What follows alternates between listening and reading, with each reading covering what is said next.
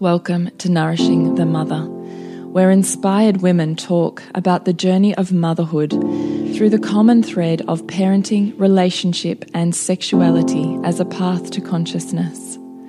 We ask, in what ways can we show up more fully, live more meaningfully, parent more wholly, and love more unconditionally? How can we mine the wisdom from the experiences of our lives and expand into those challenges? If you are here, you care about paving a path of conscious and intentional motherhood, connected with yourself and your gifts, and also illuminating your children in theirs, so we may raise more whole humans who can impact this world in a more humane way.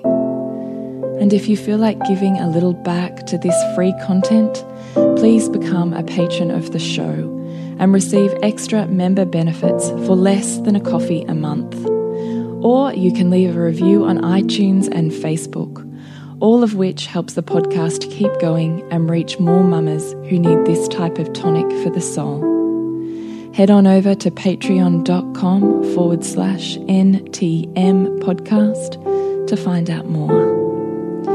We are Julie Tenner and Bridget Wood, and we are so grateful you're here.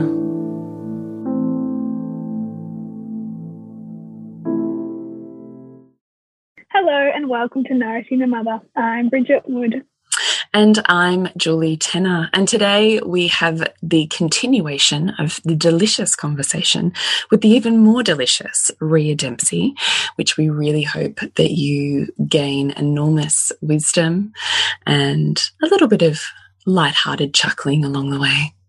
I think that's the best woman in the world that can do that. she's so fabulous. I just love it so much. I love when you get to the point where she's so um, sure and gives so few fucks about the system. it's just so true. It's so good. I'm like, I, I, think I got out of that interview and I was actually went, oh my God, one day I'm going to be like 70 and like grandma goals. Like hashtag grandma goals. so true. So true. So before we jump into that, I'd love to remind you to jump onto nourishingthemother.com.au, scroll on down to the red banner, fill in your email address, and once every so often we will send you out an email with links to everything that is going on in our world, catch ups on where we're at, and links in case there's something that you've missed or you'd love to be part of. So please jump on nourishingthemother.com.au and enjoy the rest of our conversation with Rhea. Here we go. I just wondered from your book, you had a beautiful uh, section in there on control versus surrender. And I wondered if you'd just talk around that because I, uh, as I'm sure, you know, you and Bridget would both agree that's still a conversation that um, is paramount and pivotal of the modern woman. Yes. Yes. Um, I say another thing to people that just, you know, this is quite a big book. And I've written it over quite some years. And I keep saying to myself, I'm going to have to study that book when I start to talk about it because you know, what have I said in there? I'm calling my age into question, but the, I'm pretty sure that the, I talk about that in chapter two. Um, in chapter one, where I remember the subheading is the fucking epidural, and has got all of the research, not only about epidurals, but you know, about the medical culture and how it's a lot of it's debunked. And in chapter two, I'm talking about um, we call it opening Pandora, Pandora's box. So really, yes. trying to go in to the, to the individual woman and remembering so many years of doing weekly classes with pregnant women and postnatal women. So delicious. Um, and sharing, like sitting in circle. Yeah. All that. Mm. Um, that well, who are you and how do you meet this culture? How do you meet this experience? And in in that I look I have that section called everyday vulnerabilities everyday vulnerabilities that in I'm talking about the woman everyday vulnerabilities and how those everyday vulnerabilities can meet that that birth culture and one of them I think then is the the power the surrender and the, the control or, or surrender and so again, may I mean, there's research about this, but also in my own experience of watching this shift. Remember when I had my babies in the 70s? Most women were, at, you know, they're at home as mothers and were not, I don't know when we ever thought we would go back to work. Maybe we never thought we would go back to work. Mm-hmm. When you were in England as a married woman, being pregnant with my first baby, I, I couldn't work anymore. You know, so life has changed. Life has changed, and I've been older women like me. We've watched some of those changes. In some ways, we've tried to make some of those changes. But that aspect of now young women coming to have their babies um, much more because their their work life and their expectation that they will combine mothering and their profession or their work life um, to to be that woman in the workplace and be pregnant and a new mum requires a lot of control of the you know the feminine aspects of ourselves, the rhythm, whether we're menstruating and we're at work and how does that work, or when we're late pregnancy and all those hormones are starting to do their beautiful work of starting to swamp that brain and get the mother attuned to the baby, but that doesn't quite mean that she's quite on the ball as she might otherwise be, or perhaps she's more on the ball with some of some areas of work than she ever was because she's in much more of a creative space. Or, but that thing to be in control, which is a sort of a thinking brain thing, to be in control, to be in control of the body. To in late pregnancy, we know for oxytocin, it's more complex than that, but oxytocin, really queen oxytocin, I call her so little of her available in birth now. She's been done over. Queen oxytocin has been. What do they? What do, what do you call it when you get rid of a queen or a king? Yeah. Um, the that that to, to have queen oxytocin running that knows what it's doing to shape the birth and the baby and the bonding. Uh, women need to be able to attune to the rhythm of their bodies in late pregnancy. Mm. But to fit with the, their worldly, um, you know, their work and their worldly obligations, when they've got to control their body so that they can't surrender to the rhythm of when they feel like they, it's time to get up or they need a bit more rest or they need to eat now or they need to go to the toilet now or they need rather they're they're trying to control exactly and so that aspect of many women having lived that quite strongly before they're pregnant and now still even more so when they're pregnant and then we wonder why they want to stay in control when they're in labor. You know, you can't really just switch that separate to what that all means about oxytocin and how that's working in, in the body, but that thing mm-hmm. about is being in control and being in control of the body in particular um, is something that we're, I think, in modern contemporary women are very used to. So the aspect, one of the aspects that all the interventions can offer women is first of all the comfort. I talk about the three C's comfort, convenience, and control. Mm. The epidural offers comfort, to be comfortable through that whole caper. It's a pity about how the labour goes, but you can be comfortable. Um, convenient, of course, that aspect of control, I'm com- sort of putting these together, that aspect about feeling like you could or should or you must control how all this works.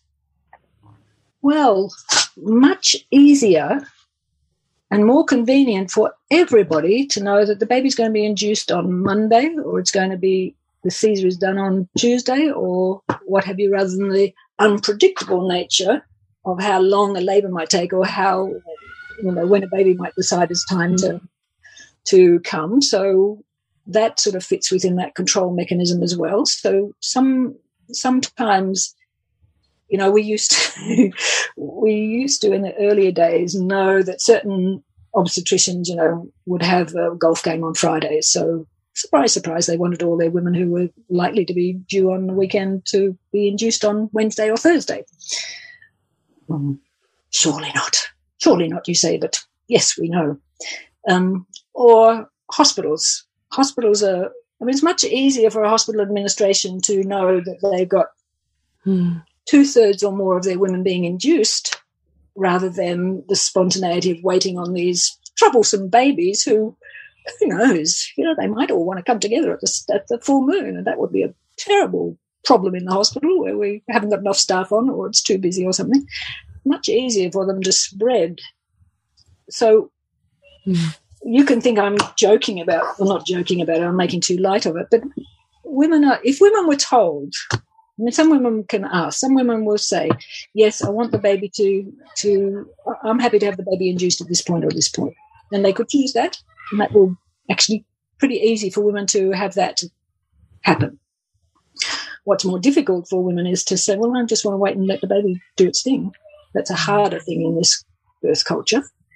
But what can happen in the birth culture is that the reasons why an induction might be best, not for the mother and the baby, but for the hospital system, um, it's not that. Well, if they were to say, if they say, look, the baby's fine, you're fine, but really, we've got a big load of births this month, and lots of them haven't been. Lots of the babies are just lagging behind, and we know that we're really going to come under the, under the pump soon because the full moon's coming, and we're just going to be crazy. Do you mind if we induce your baby this week so that we just got a little bit of a less load? If mm. they would mm. say that, some women would probably, say yes, or mm. at least women would know that's not about me and my body. That's mm. not about birth being dangerous or my body not working or my baby not working. That's a that's a reasonable idea about work throughput. But no, they don't say that. They don't say that to women. They say to women, Look, we're getting a bit worried about your baby. It seems the flavour of the month at the moment is, or the flavour of the last few months, we're a bit worried about your baby. It's getting quite big. Mm. Quite worried about the size of this baby and really feel that probably thinking about it, this has started like three weeks out or more. Just a little drop worried about your baby. You know, could might need might be best if we think about inducing. You know, we just watch it. That's how it starts. Um, and then a little bit further down the track, yes, we're very worried about the size of your baby, and I think it's best to induce this week. Yeah. It's so funny because I've heard that at least three times this year. Yeah. And then the babies are in, uh, induced and more and they're below average size or they're totally on average. Yeah. Yeah, yeah. So these are bigger structural issues, not only occasionally, this is so tricky to tease out. When is what they're saying to me absolutely based around yes. medical need for me and my baby that I need to be taking on board, and how much of it is out of these other? So, the key to answering that question for women is to hopefully be able to access continuity of care, continuity mm-hmm. of midwifery care in particular, but only 8% of women can. So that's the big push that we, that's it one is. of the pushes that we really need. So we're going here, there and everywhere. I'm hoping I'm still bringing oh, because we could listen to you forever, but I'm like, I'm not going to get through my like 12 questions here. so I'm like selecting, going, okay, Julie, which are the most important ones to ask? One of them was in your book. So in your first book, you spoke a lot about wild cards for women going into birth. I know that you've mentioned them a couple of times here, so I'd love for you to give a, just a mild summary of what that looks like. But my question from your current book was more around you started to talk about the postnatal effects of wild cards. And I haven't seen someone else talk about that before. So I was interested in in that, but but certainly in, in what a wild card even means. So in my uh, I use that term well, I think that it's a common term. People understand a little bit about card playing and wild cards, that they're something that have high dynamic. You don't exactly know where they're going to come out in a game, but you know they have some high potency in the situation. So if I think about birth, then I think about the sort of life issues that can act as wild cards. We don't exactly know, we know they have potency. We don't know exactly how they might play or when they might play, but we're pretty sure that they will have some sort of impact. So that's my overall thing about wildcards. Um, so in the second book with wildcards, you know, I'm looking more. In the first book, I'm framing it in particular around functional physiological pain, just just the hard gig, you know, of a birth. Yeah.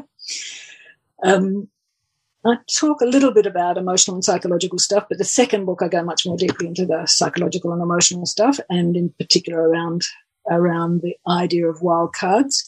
Um, so these are. I can't, I can't just think, how can I do this short and sharp? You don't have to do it short. Please don't feel constrained.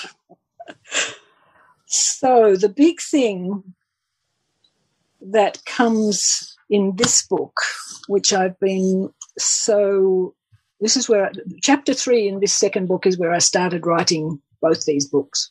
I thought it was going to be one big book. I realized eventually that I would never finish it if that was the case. And then I realized, well, to start talking much more about these psychological, deeper psychological things, it was useless to talk about these if women weren't on the case about the pain and the choices they're making about that. So that's the first book. So the second book, it's uh, where I started in all of this was chapter three, understanding about attachment styles. So this this takes and witnessing this the, the fallout or the implications of this in births over many many years. And so, and certainly in terms of counselling, my counselling work and what have you, this is an underpinning of so much of my understanding, many people's understanding. Um, and so I wanted to, in that chapter, I wanted to do two things, probably a hundred things, but at least two things. And one was to talk up the understanding about attachment. Mm not that I'm framing it from the baby's point of view, but I thought that if I do a good job of explaining about attachment from the point of view of us as adults, that will be like a uh, framing a, a deeper understanding about how we then need to be with our babies and our small children and so on. So I wanted to talk about attachment. So I particularly wanted to talk about attachment in terms of how it plays out in birth. Um, so I'm, I've got some good feedback about the how I've written it, and people find that they can understand it, so that's good. Um, but if we understand then about attachment, so this is about how secure, so this is about our emotional and psychological security, particularly in threat situations. Mm. In threat situations. And secure attachment is, of course, that in threat situations, this is what we would hope our babies, our, our small children, our children across their lives feel that when we're in a threat situation, and threat situations can be all sorts of things that we, um, where we know that we need soothing, we know that we need to feel safe, um, that we can turn to others who we know and trust will provide that sort of safety. And you know, the other side of that is, of course, that also because we know that and we've had that model, we know how to offer that to somebody else if in, that's the caregiving side of the attachment process. Um, but of course, we know that this isn't, that takes sustained, attuned parenting across at least that first three years of life to lay down that that as a as an embedded um, sense of feeling I'm okay. Sometimes I'm in threat. Sometimes I'm, I'm nervous or I'm this or I'm that, and I can turn to other people without any feeling of shame. Mm. And accept the support and nurture that I need to soothe myself at this point before I then go off to other adventures or whatever. So, um, if we don't get that, building that secure sense of attachment, then you know the, the insecure sense of attachment, which is where uh, the three three types: the anxious attachment style, which is where the caregiver is sometimes sometimes when you're in, in need or in threat, sometimes they're available and sometimes they're not. Mm. You can't quite predict when, so it leads to this anxiousness about, well, will they be there for me? Is it safe? Is it not safe? Is it, all that anxiousness, which of course sets a whole set point of stress hormones in, in the body of the baby, the small child, adult, so on. Um, and also with anxious attachment, of course, it leads to a hyperactivating of of of um, distress signals because just sometimes it'll work. You don't know. You can't predict. Sometimes you, your caregivers are on, sometimes they're not. You can't quite predict, but you know, if you keep trying, you keep trying. It's like the kid at the supermarket checkout. It's worth their while to keep throwing that tantrum, and because just one day you might give them the chubba chomp. Mm. So the anxious attachment, they're hyper vigilant. They're anxious or they're anxious and staying anxious, wondering when will I feel safe? Won't I feel safe? and they often, when they're in distress, hyperactivate their distress. Mm. If you're thinking about birth, you can think about mm. how women who are anxiously attached might be playing in their birth situation.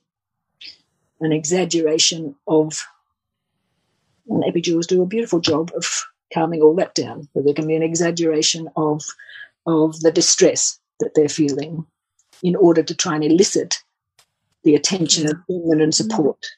Of course, in birth, particularly for birth where we want women, for women who want to have a go at normal physiological childbirth, it's not the sort of support that will soothe them and say it's all right, we'll take it all away, i.e., the epidural. It's the sort of support that says, "Yeah, I can see it's pretty tough, but you know, I'm with you and I'll stay with you and let's work this through, or what have you." Um, but anyway, the anxious style of attachment is one plays out quite strongly in the birth scene. Then we have the avoidance style of attachment, which is where it's consistent, the caregivers are consistently unavailable. So that small child, that baby, that small child, really tune in, you know, turn into themselves. They draw into themselves the feeling that, you know, I've just got to rely on myself and I can't be vulnerable, can't show any vulnerability. Vulnerability is not going to be met it's not safe for me to be vulnerable. And in fact, it's very shameful if I am vulnerable because I am okay on my own and I can do it all on my own because that's, that's the message that they're getting. Mm-hmm. So, I mean, I'm just doing very quick jumps here, but you can probably see that for that woman, the epidural is brilliant. Don't need anybody, epidural, not feeling anything. Certainly no shame about being in distress or crying or calling out or whatever. Hmm. Perfect match. Pity about the birth, pity about the baby, and what will it mean after the birth anyway?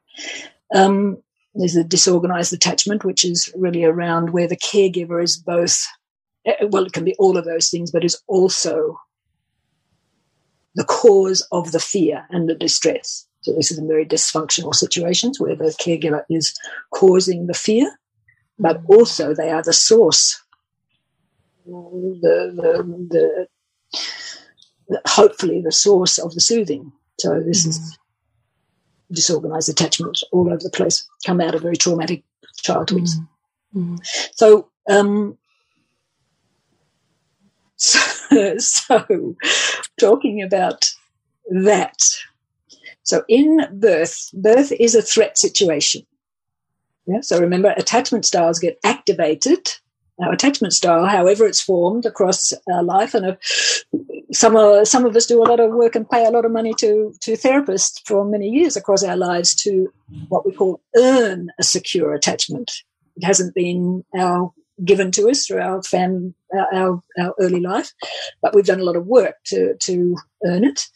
Um, you know, just under half of people, the stats say, have a secure attachment style. So you know, that's actually more than I thought. Right. So um, it's not a given. Uh, so then the, but then as an adult, and that unless you're doing, unless you've been blessed with a secure attachment style because of your parents being on the case and you so on, um, or you've done that work for yourself. Here you are in birth, this adult woman, it's a stress situation, and particularly it's a stress situation in our birth culture as it is at present because of all of the interventions and the fear of that it doesn't work, the, the mindset that I've talked about already, as well as just dealing with so many strangers and no strong, secure relationship. Um, well, the only person being your partner, but of course they can be freaking out, so that's not a solid, secure relationship uh, or sense of safety. So where, so the mother's attachment style is triggered, and so then that can bring up, unless you have a secure style of attachment, really it brings up shame. Not just you know the common garden social shame of being concerned about who's seeing your body or walking in the middle with you've got your legs akimbo or the you know they're coming in when this is happening or that happened that, that, that sort of social shame of feeling like I want some privacy or whatever but this deep level what in Gestalt therapy which is my which I've done more of um, they use this beautiful language called ground shame. This is like the bedrock of the nature, the character, the formation of the child mm. is shame. And this comes out of attachment. This comes out of does the child feel like they're loved and they're cared for and that somebody will be there for them to, as I've explained with secure attachment, so that they feel that they are okay. Whatever they're going through, they're okay, and that people will love and respond to me and care for me and so on and offer me the support I need in this tricky point. The child that doesn't have a secure attachment, then they take on board that thing that I am not okay. That, that's fundamental, core, mm. ground level. Mm. This is this ground shame. So it's hard work protecting ourselves from ground shame. Um, and how does that play out postnatally? Yeah. So, so across the birth, in present birth culture, strangers, some who offer something warm, some who don't, so on, so on, so on. Um, the attachment style is triggered because of the threat situation of the birth. If it is not met, then the stress system in the body, so on, and the births don't go well usually anyway. Um, but the but the mother is activated, mm. and this activates not only this. So keep that in keep that in mind. But not only this, but when we're stepping into we're thinking about our future when we have our babies. We're thinking about all the things that are, you know, how we're going to be and how it's going. Many of us don't understand how we are also being drawn back into our past because we're being drawn back into the the past of babies, mothering, family life, you know, that early time, how we were held, that those early three years, the you know, when when our memory systems are laid down in our muscles and our not in not like memory, not like explicit memory where we remember on that day we did that and then we did that and we did not that memory, but the the um, implicit memory system which mm-hmm. is laid down deeply in our body. And so the birth activates the implicit memory system of how we were born because those memory systems are, you know, it's living in our bodies about how we were born. So we've got that. We've also got if our early childhood, those early three years, were not offering us this secure sense of attachment, and then mm-hmm. therefore not carrying any ground shame, but that I'm okay. Um, so if we don't have that, and we have the thing that I'm not okay, and we're tapping into those deep implicit memories we hold our own baby or as in we're in that space with our own baby. So all of this can come up in the postnatal arena. Um, sometimes, sometimes as more general running um, depression and you know sometimes deeper sort of psychologies, but often also with specific memories that can be there that feel that they're part of this distress that from the past, which is being in a way reawakened because of the birth experience anyway and because of holding our new baby in our arms. But mm. if that's also happening in a care setting where you're not being respected, where you're not getting any nurture and care in that situation, or you're just a number that's being pushed through a system, or your partner isn't stable for you because they're freaking out, or what have you, then that's all of that is exacerbated as well once that's mm. into that postnatal arena. Mm. I'm sure it's much complex that I've explained here, but hopefully it's. I'm sure it is. I mean, and, and I would love everyone to to buy your book to actually deeply and thoroughly, obviously, enter these conversations. But I just really wanted to, I guess, for me, highlight some of the places that I read in this book and went, oh, so important. Oh, that's so important. You know, it was more just to to scoot over these as a overview as opposed to a thorough, uh, you know, dive. Maybe one one other aspect that's so important which is, you know, so chapter seven, we had so much stuff about the couple relationship and I had so much to say. It's like we, the chapters were, how did we structure? And we thought we just got to make a chapter just for the partners. I'm so good. This is one of my questions, Rhea. Okay. Birth is a rite of passage for partners. Is this where you're going? Yeah. Well, I could go. I'm not going there, but I could. Yes. that because the eh, you know, before, I mean, all, all these dynamics between couples have been going on forever, ever, ever. Just that now, since, and again, here's another thing that I sometimes feel like I need to apologize for as part of the generation of women to draw our partners into the birth space, yeah? And some beautiful, beautiful things have happened because of that, because we see the, the, the birth of the nurturing father who's coming mm. out of that, and we would never want to, to step back from that, and um, so beautiful to see. But what we also see since fathers have been in the birth space that the intervention rate rates have been going through the fucking roof.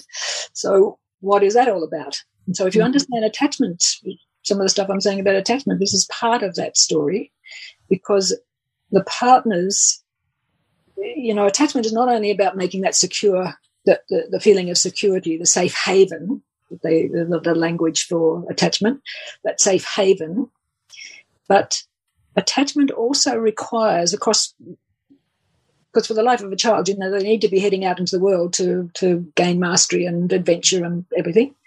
Um, so a solid attachment figure needs to offer soothing when needed, but also encourage into activity and adventure.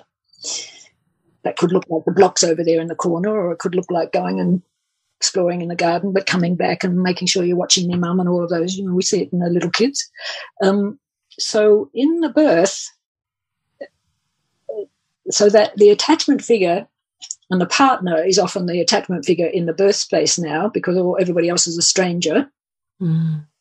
Um, and that attachment figure who's the partner, in order for the mother to both be soothed but also to be encouraged on into the work, uh, the work of exploring the blocks or the work of exploring mm. the garden or the work of exploring that new work job that you've got when you're a teenager or the work, of, well, the work here is the work of birthing. Mm. Um, because anybody can offer in birth, because of the drugs, can offer that soothing safety. Look, you know, we'll keep you safe here. It just sort of fucks the labor to have somebody who can offer that soothing, but also that encouragement into the effort, this is the, the, the area that's so difficult. Mm-hmm. And many partners, as I said, you know, they're happier if the woman's on an epidural because a whole lot of factors coming together, but, but they, they can't see this as powerful, potent work to encourage her into. No, it becomes destabilizing for their attachment styles so, also. So yeah. that there's a whole dance going on there. So of course, for for to get back to that thing, that rite of passage for partners. So if we're bringing partners into the birth space, I mean, if, a, if the partner is another woman, so she may have given birth herself already, and th- then still can be complexity in the in the thing. But maybe she's got some grounded knowledge about birth that she can um, offer to her to to the woman who's giving birth. Of course, mainly the partners are the fathers of the babies, and they they don't have grounded knowledge about birth. They might, if they've had, if it's a you know, second, third baby or what have you, have some grounded um, witnessing of being birth, but something about having women who know where the doulas come mm. from, where the midwives mm. come from, this shared understanding of the process in the female um, environment. So partners are partners who are the key foundation for a woman in that sea of strangers with all these weird things happening are in a tricky, very tricky space. Mm. We know that, of course, when the, the, birth is supported by somebody else who's, you know, whether it's the known midwife or the doula or whatever, you then the partners get supported as well. And then what we see is the best of the couple relationship come into that birth space. We see all the love and the, you know, the juiciness of the hormones and everything so, so fantastic because the partners aren't freaking out. And if they mm. do freak out and they look over and they see the midwife sitting in the corner having a cup of tea with a big smile on their face and nodding, you know, I think, oh, right, it looks pretty freaky to me, but it must be okay. So there's that, that, there's that security there. Yes. Mm. But so for partners to be in that witness space in a birth and to be able to be present to their to the woman as she's doing that hard work and not to be triggered into their own because they're in a birth whenever have they been in a birth space before well they were born so it can trigger some of their own mm. implicit memories also in the early time with how they were held so all of their own early mm. life stuff. The first three years can start to come up, can start to be there in the birth space as well as in the early time at home. It's so complex, isn't it? Like as soon as you start digging, it's like the rabbit hole keeps going. Yeah. Exactly. So I know we've had you a really long time, Rhea, but I'm really, really, really desperate to know just some mum mum wisdom from you before we wrap up. And what I really, really want to know, because when I remember sitting in circle with you, what is now, what, 11, 12 years ago, was I remember you talking about your daughters and um, we were talking about what does it mean for, you know, what type of births will your children have? And I remember you saying one of your children, when she was angry at you as a teenager, she used to yell back at you, yeah, well, I'm having a Caesar when I grow up and slamming the door. And I remember joking about it with you. And then you were like, so I don't know, you know, and here you are, having been the grandmother at the birth and home birth of every single one of your grandchildren for all three of your daughters. Like, I, I, uh, how does that happen? And that seems complex. Like in my head, I'm like, that seems complex for me who, who doesn't have a secure mother attachment the whole thing of having my mum in the birth space is complex to begin with and then i'm like even as a mother with my own children could I hold that space? Would there be triggering there? Would they even choose it? Or would they be, I'm having the fucking Caesar just to, like, I'm like, how does this work, Rhea? what a privilege, hey? What a privilege. Um, I remember with my first daughter who had the first grandchild, um, and she was born in hospital, of course, but she was just totally attuned to home birth because, of course, you've got, got to remember too, in the early days of the home birth, the kids would come along, you know. Yeah. You know, so they were exposed. They'd all been to births. Um, well, their their younger siblings' births, but also other other births. And we had some home births, women who lived in the country and came and had their babies at our place, and so they they just been you know immersed. So um, so there's that. So they had a trust of birth. Um, but I did have the conversation with her. I said, you know, um, you know, you, you, you, know, you don't, not so much you don't have to admit the birth, because in fact she was having a baby at my place anyway. They, they wanted to have the baby here. Um, so I said, well, okay, so what role do you, you know, will I be the, the, the mum who's making the cups of tea and you know, do you want that or do you want me? What, what do you think? And she, she said, she looked me in the eye. She said, Mum, I hear you know a thing or two about birth, and I want every bit of what you know to be there with me in that birth space. I said, oh, okay, okay, very clear. So um, that was that, and then like they, you know, as siblings, they'd been at the births so they all then saw the template of how that worked. So they were all happy to to have me there. And so I, in the main, worked with midwives I'd done lots of births with who were there with the grandchildren. So we just had it was a team. Hang on, wind it back. What was that first experience like? Like, how was that for you as a mother witnessing now your daughter going through birth? Were there moments where she wasn't coping and you felt in conflict about that or not? No, no, no, no. No, she, they were all magnificent she. What she, do you put that down to? Well, I mean, I guess that they don't. Uh, so there's the difference between being fearful of birth and being respectful of birth. Yeah. So they were respectful of birth, but they weren't fearful of birth. So, um, and also that whole thing, they knew the midwives because they were part of our our friendship group anyway. So, mm. like and they're at home. They're surrounded just by people who know and love them. So the whole oxytocin is just. I mean, it's another factor, I guess, that people don't understand. But that, those rooms where you've got everybody who's in love with one another, those rooms are pumping with oxytocin. So the baby and the mum are catching all of that as well, as well as we're catching it off them. So I think that um, they just have a trust in birth and a trust in the people who are around them. And we're able then to surrender to it. So it wasn't a different different experience for you witnessing birth of your daughter. I mean, it was delicious and delightful to meet those grandchildren, but there wasn't. Um, I mean, I. Uh, so this is just takes me a little bit, as usual, back a little bit before I come forward. Um, but you know, I'm not medically trained. I mean, I wouldn't know how to take a, take a pulse or do anything. It's not. I've never entered that arena about birth. I have existed in the world of birth in terms of the emotional and psychological, and then our understanding about hormones and how to facilitate them, and, and the phys ed teachings. They're all the parts of me that come to, together in the birth. And so, over the years of working with with midwives who are holding the the as well as that beautiful nurturing and caring, but also the medical expertise, um, and in particular working with, you know, some of them lots. So we, we all know what our boundaries are and, and respect what, what we each bring into this situation. So if in terms of my any birth that I'm at, then you know, I need to know from the point of view of the midwives, is everything medically going fine? Can, can I, you know, there seems to be something a bit stuck here or what have you. Is this playing out in the mother's body or the baby's body? Or is there space here for me to come in and do a bit more psychological, emotional work?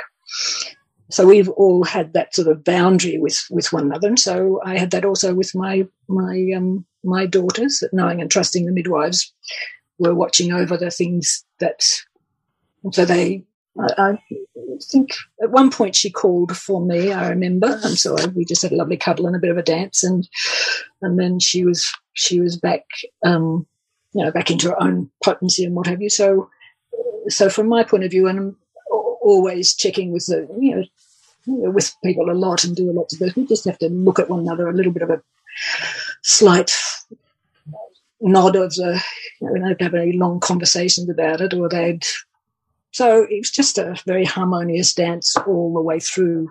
Not really. I mean, at the end, she had two big babies. She had a the first baby, a ten pound baby or something, and the second one nearly eleven pounds. So, wow. powerful woman.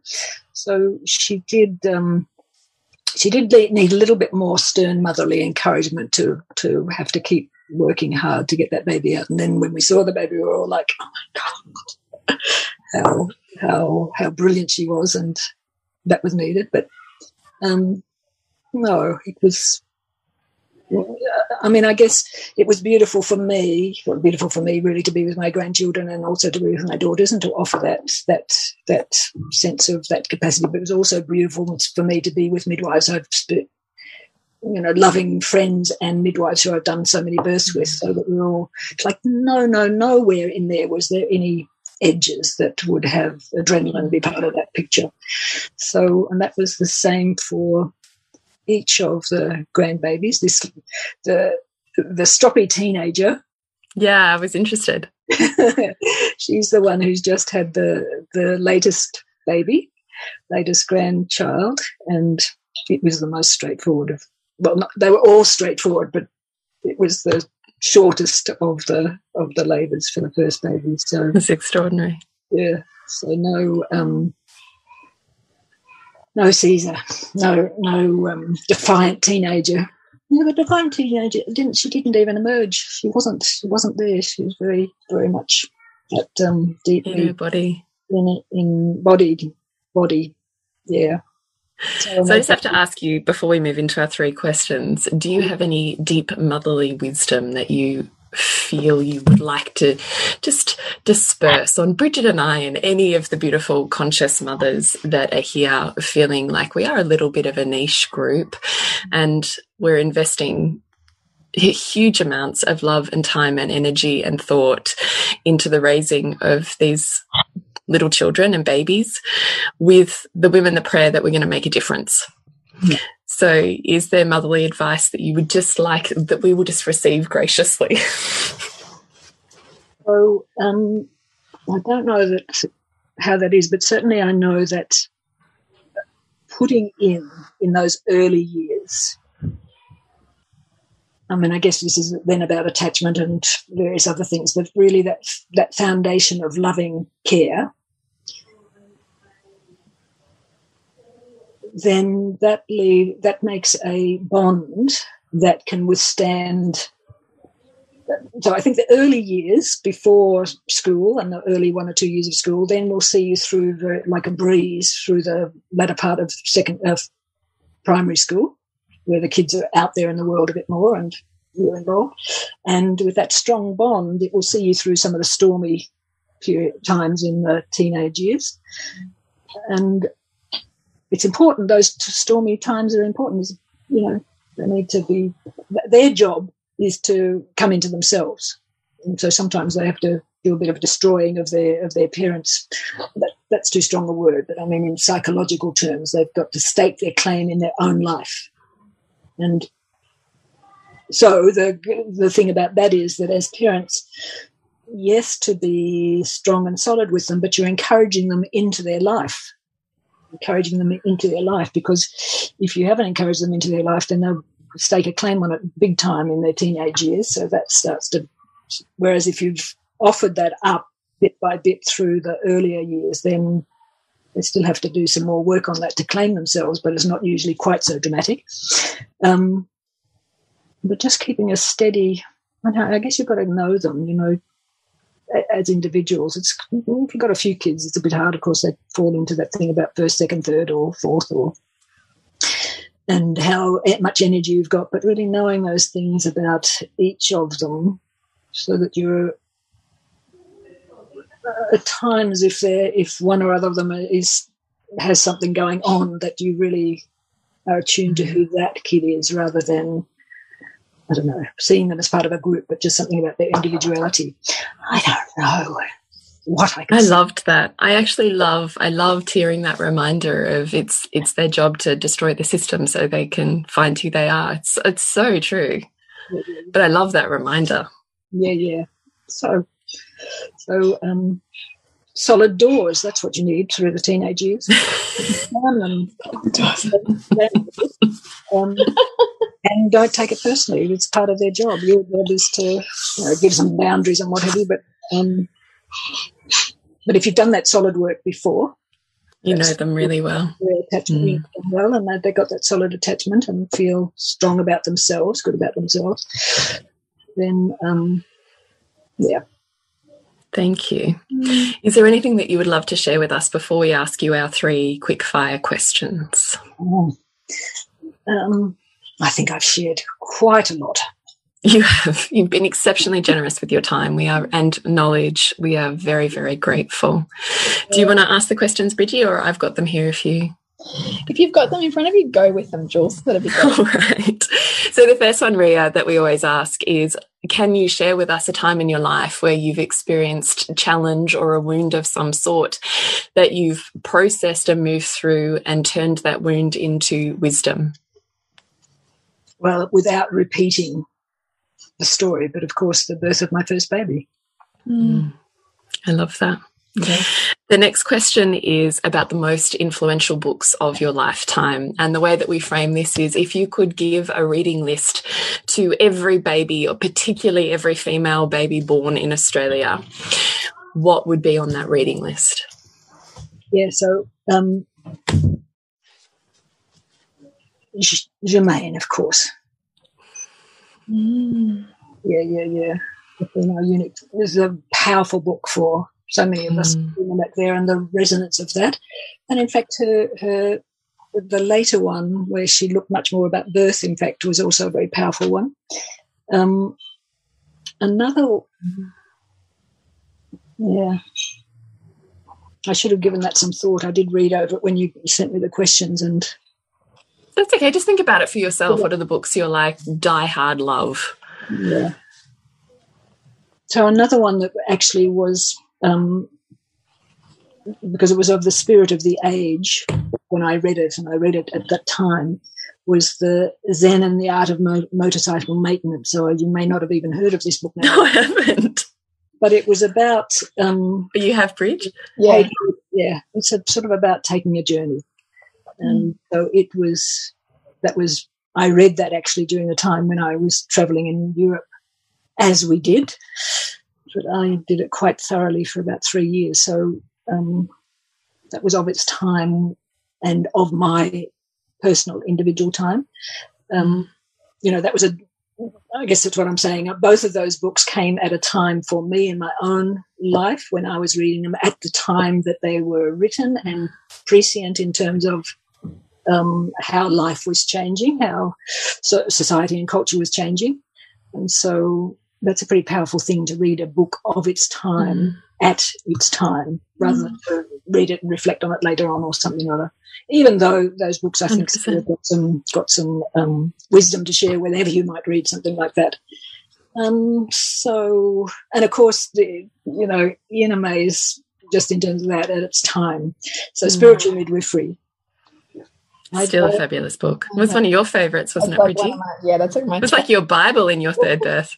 yeah.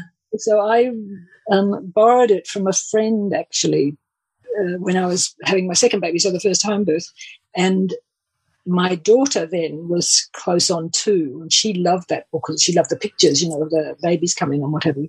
And I remember one afternoon having a um, bit of an a bit of an late in the pregnancy with the second baby having a bit of an afternoon nap, and my daughter was sort of just pottering around.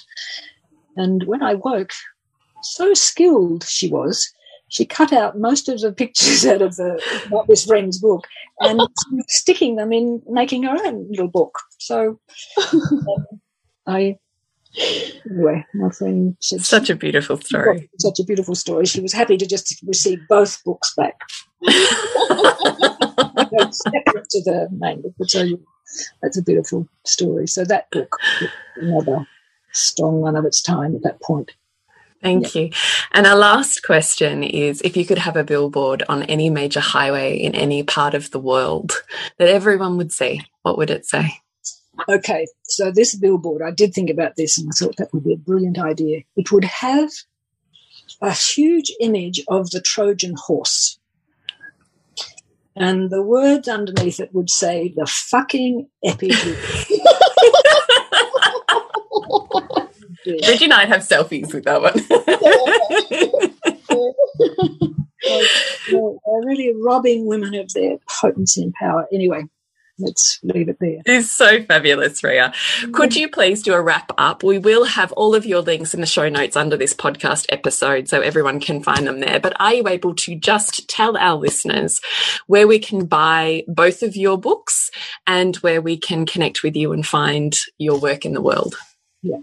So the books, um, I mean, they're in a few different places that you could buy, but just to say, really, through my website, you can certainly get them from there. Um, the midwifery group practices here in Melbourne stock them as well. Fertile Ground stocks them. A few, a few other naturopaths and um, small bookstores stock them. Um, and in fact, well, certainly the first book is in a lot of libraries, and I keep hearing from. I, am trying to get a book from the library, but they say I've got a three week wait or something. I think yes, um, but my website is the key thing. My well, most things are through my website. You know, I do. And what is your website?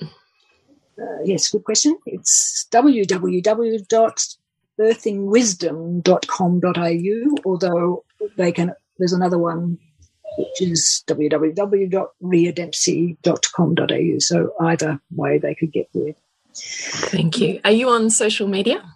I am on social media. So when I say that, um, I understand there is social media out there, and I occasionally get on it personally, but other people sort of play around with it a little bit for, for me. So um, we I can connect with your message there, though. So on uh, Facebook, I have two. You know, I have a public page which is sort of Rhea Dempsey Birthing Wisdom. I think that's what you call it, a public page, and then there's a personal one which is Rhea Dempsey, which they're pretty much the same thing, it seems. Um, Instagram, I think, is probably at Rhea Dempsey. I love how you're so old school. Yeah. it's like warming my heart. I am on Twitter, but who knows what that handle would be. I think, so I think there might even there be something on YouTube. I don't know. I don't think it's a channel. We've got all the links in the show notes. Please go there. so, Rhea, before we wrap up, is there any last sentence that you would like to leave the birthing women of the world, of whom is an international audience on this podcast with thousands and thousands and thousands of downloads per month? What would you like them to know? Oh, just the, the beauty and wonder and power of birthing, yeah, and that. Um, I think, you know, that birthing process, nothing is wasted. Yeah, it's a tough gig, but we get the benefit then of all the hormones. Um, and we get the benefit then in terms of that being attuned with your baby right from that, that start because the brain waves are changing and you're really in an attunement with your baby's slower brain waves. So,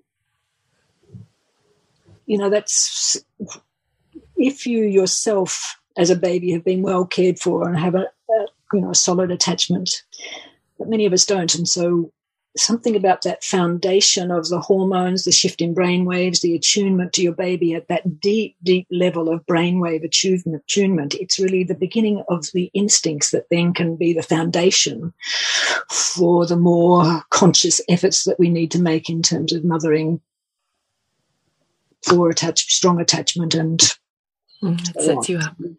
It sets you up. And it's a wild ride. It's, it's wild pretty great just don't think about it in terms of pain. Just think it's a wild ride and getting to know yourself and doing that work. And yeah. Oh, beautiful, Rhea. Thank you so much for sharing your heart, soul, life's work, passion, time and just being here with us. It's, you know, we both feel so blessed and graced. So I'm sure our listeners do as well. It was one of the episodes when we released that we were actually had locked in a date with you that went crazy in the question asking, which I know we haven't got to them all. So please connect with Bria online. but, you know, we are just all so grateful that there are matriarchs and women pioneering and caring for the birthing care of mothers today. So mm. also really grateful. So thank you so beautiful to be here with you. Thanks so much. You want to wrap us up, Bridgie? Yes, so remember to nourish the woman to rock the family. And we'll see you next week when we continue to peel back the layers on your mothering journey.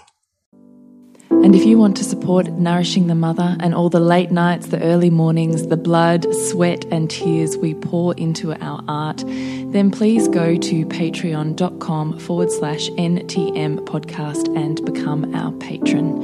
As a patron, you're helping all of the cost of operating this podcast, the hosting, the editing, the transcription, helping all of that be completely covered, and joining a community who are all about honouring our journeys and continuing to open. The more support we have, the longer we can last. So become a patron. We'd love to have you.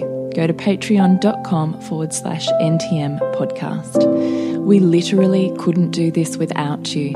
Thank you so much for listening, and please share this podcast with anyone you think it would be medicine for.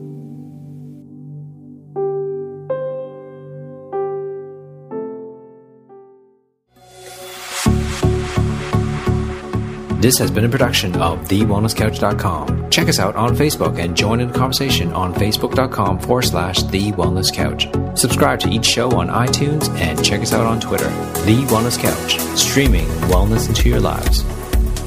Whilst the Wellness Couch presenter endeavor to provide accurate and helpful information to their listeners, these podcasts cannot take into account individual circumstances and are not intended to be a substitute for health and medical advice from a qualified health professional. You should always seek the advice of a qualified health professional before acting on any of the information provided by any of the Wellness Couch podcasts.